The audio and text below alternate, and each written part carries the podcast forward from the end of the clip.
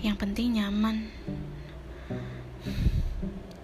Nyaman aja buat saya nggak cukup. Kita sama-sama nyaman bukan? Tapi pada akhirnya kita bisa juga. ya nggak apa-apa sih. Eh, ada salah satu teman saya, dia dekat sama teman laki-lakinya. Dan mereka saling nyaman.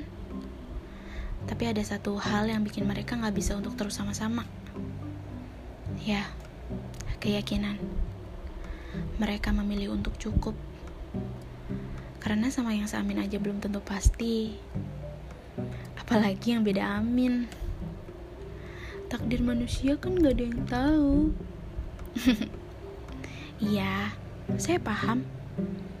Tapi mencegah patah hati lebih dini nggak salah juga kan?